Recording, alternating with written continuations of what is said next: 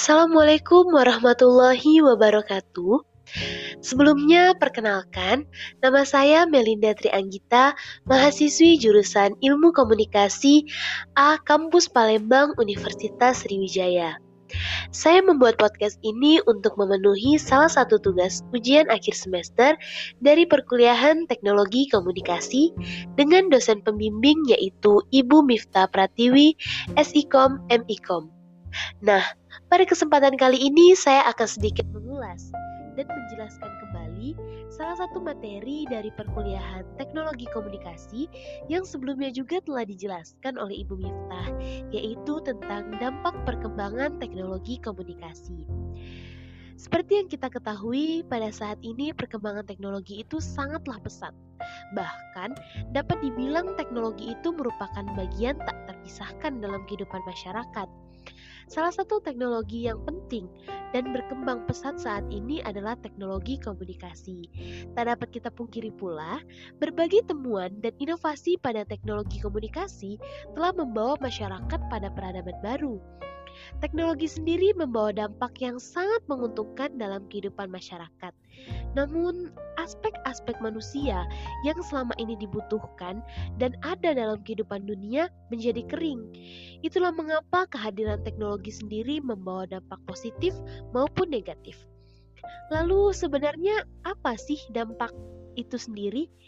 Menurut Kamus Besar Bahasa Indonesia, dampak adalah benturan atau pengaruh yang mendatangkan akibat baik positif maupun negatif. Pengaruh sendiri merupakan suatu keadaan di mana adanya hubungan timbal balik atau hubungan sebab akibat antara apa yang mempengaruhi dengan apa yang dipengaruhi.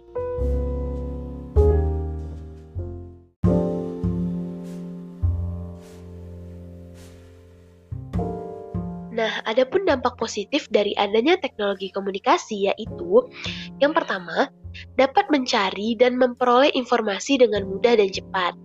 Dengan adanya teknologi komunikasi, kita dengan mudah mencari apa pun yang kita inginkan di internet dan informasi yang kita dapat pun akurat.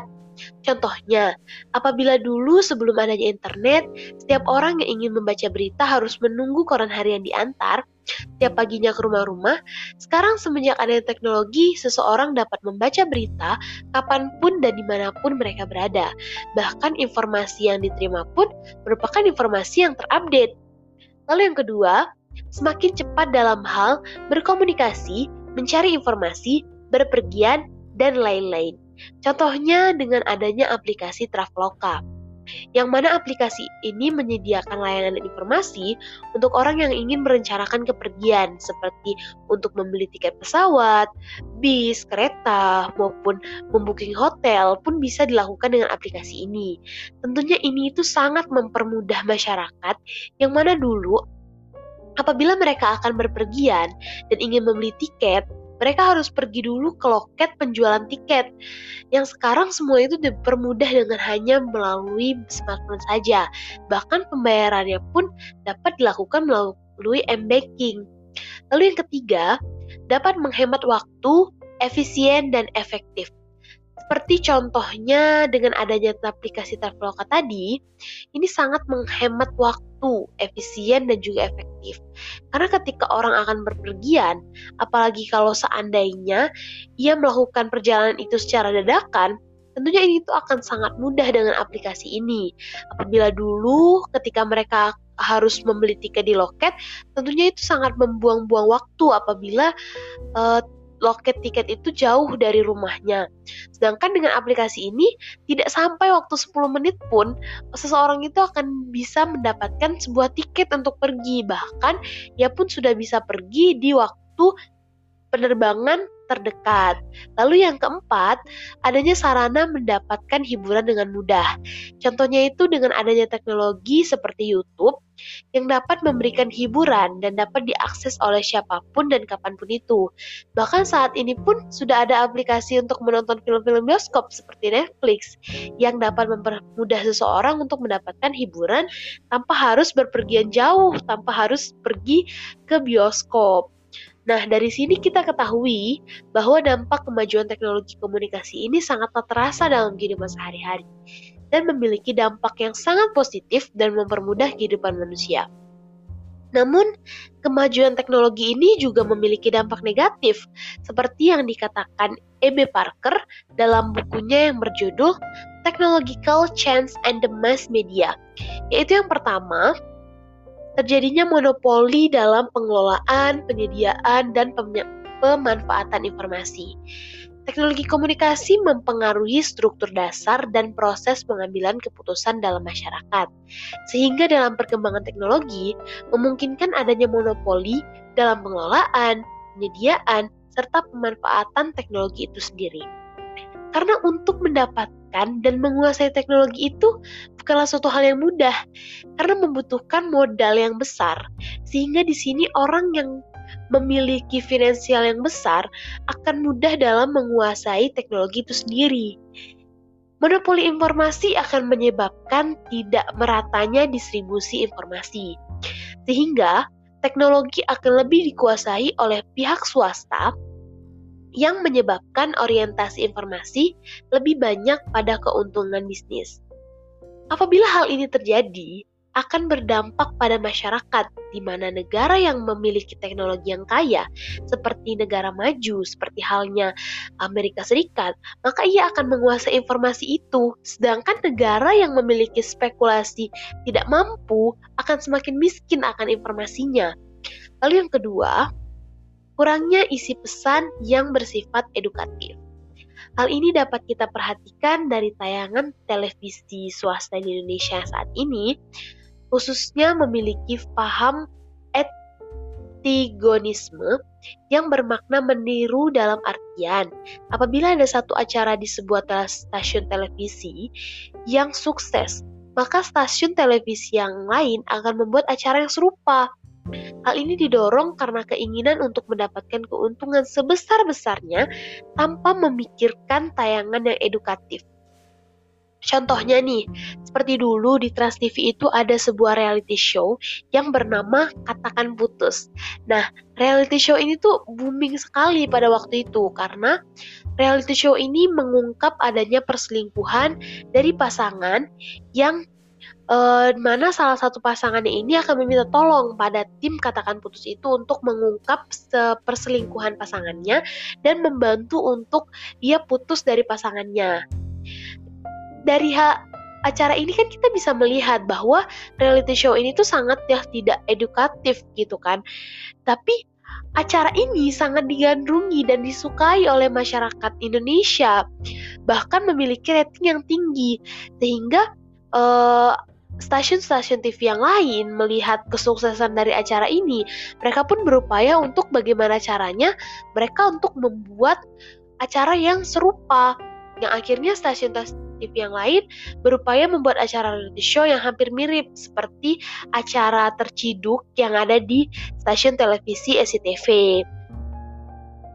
Lalu yang ketiga, terjadinya populasi polusi informasi. Hal ini cenderung timbul apabila satu kompetensi ketat dalam memperebutkan perhatian hayal.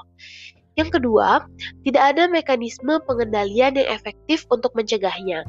Kedua hal tersebut akan terjadi apabila lembaga informasi hanya berorientasi pada tujuan pragmatis, karena apa pun yang dilakukan untuk mencapai tujuan, apakah informasi berguna atau tidak untuk halayak, tidak pernah ber dipertimbangkan. Mereka hanya mempertimbangkan daya jual pasar saja dan yang mampu membeli saluran itu sendiri. Polusi informasi juga terjadi jika tidak ada mekanisme yang mengatur proses penyebaran informasi. Mekanisme itu sendiri bisa hukum, peraturan pemerintah, undang-undang, komisi etik, ataupun pemerintah dengan kewenangannya. Lalu yang keempat, adanya terjadi invasi terhadap privasi. Hal ini dapat dilihat ketika adanya konflik yang terjadi di kalangan di kalangan artis yang dapat dibilang merupakan hal yang privasi namun tersebar menjadi informasi publik. Contohnya seperti kasus yang menimpa Giselle yang heboh kemarin karena video pribadinya yang tersebar di sosial media. Yang tentu saja itu merupakan privasi Giselle sendiri sebetulnya. Namun uh, mau itu di sel atau bukan, yang namanya video seperti itu kan merupakan video pribadi ya yang tidak pantas sebetulnya untuk disebarluaskan. Begitu saja di sosial media. Namun itulah tadi balik lagi ke perkembangan teknologi ini yang banyak sekali disalahgunakan oleh masyarakat. Nah, oleh karena Gisel ini seorang artis, maka video ini tuh menjadi pusat perhatian banyak orang dan dipermasalahkan sampai ia membawa masalah ini itu ke ranah hukum. Dalam hal ini sebenarnya tidak dapat dipungkiri karena sebetulnya apabila seseorang menjadi artis ataupun public figure, maka segala sesuatu tentang dirinya maupun itu hal kecil akan menjadi pusat perhatian dan informasi bagi publik.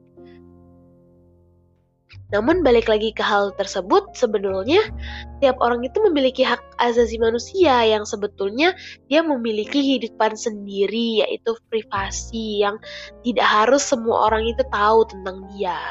Namun ya balik lagi itu merupakan resikonya. Lalu yang kelima, ada timbulnya permasalahan yang berkaitan dengan hak cipta. Mana masalah lain yang timbul akibat dari perkembangan informasi adalah hak cipta. Banyak foto atau hal lain yang beredar tanpa disebutkan sumbernya. Ketika seseorang yang seharusnya mengetahui fotonya diedarkan oleh seseorang lain, maka e, masalah hak cipta pun akan muncul. Contohnya itu seperti uh, lagunya Keke bukan boneka yang kemarin sempat viral karena dituduh telah mencipta lagu dari Rini Wulandari yang berjudul Aku Bukan Boneka. Di sini uh, membuat sebuah lagu serta video klip sendiri lalu disebar di YouTube pribadinya. Namun yang menjadi sorotan itu adalah lirik dan instrumen lagu dari Keke bukan boneka itu mirip dengan lagu Aku Bukan Boneka. Sehingga pihak Rini dan juga pencipta lagunya itu merasa bahwa Keke ini telah melanggar hak cipta dari lagu tersebut. Dari pelanggaran hak cipta ini terdapat beberapa catatan bahwa Teknologi komunikasi pendorong pelanggaran hak cipta perlu dukungan pemerintah dalam penegakan hukum hak cipta, kurangnya apresiasi masyarakat atau karya intelektual.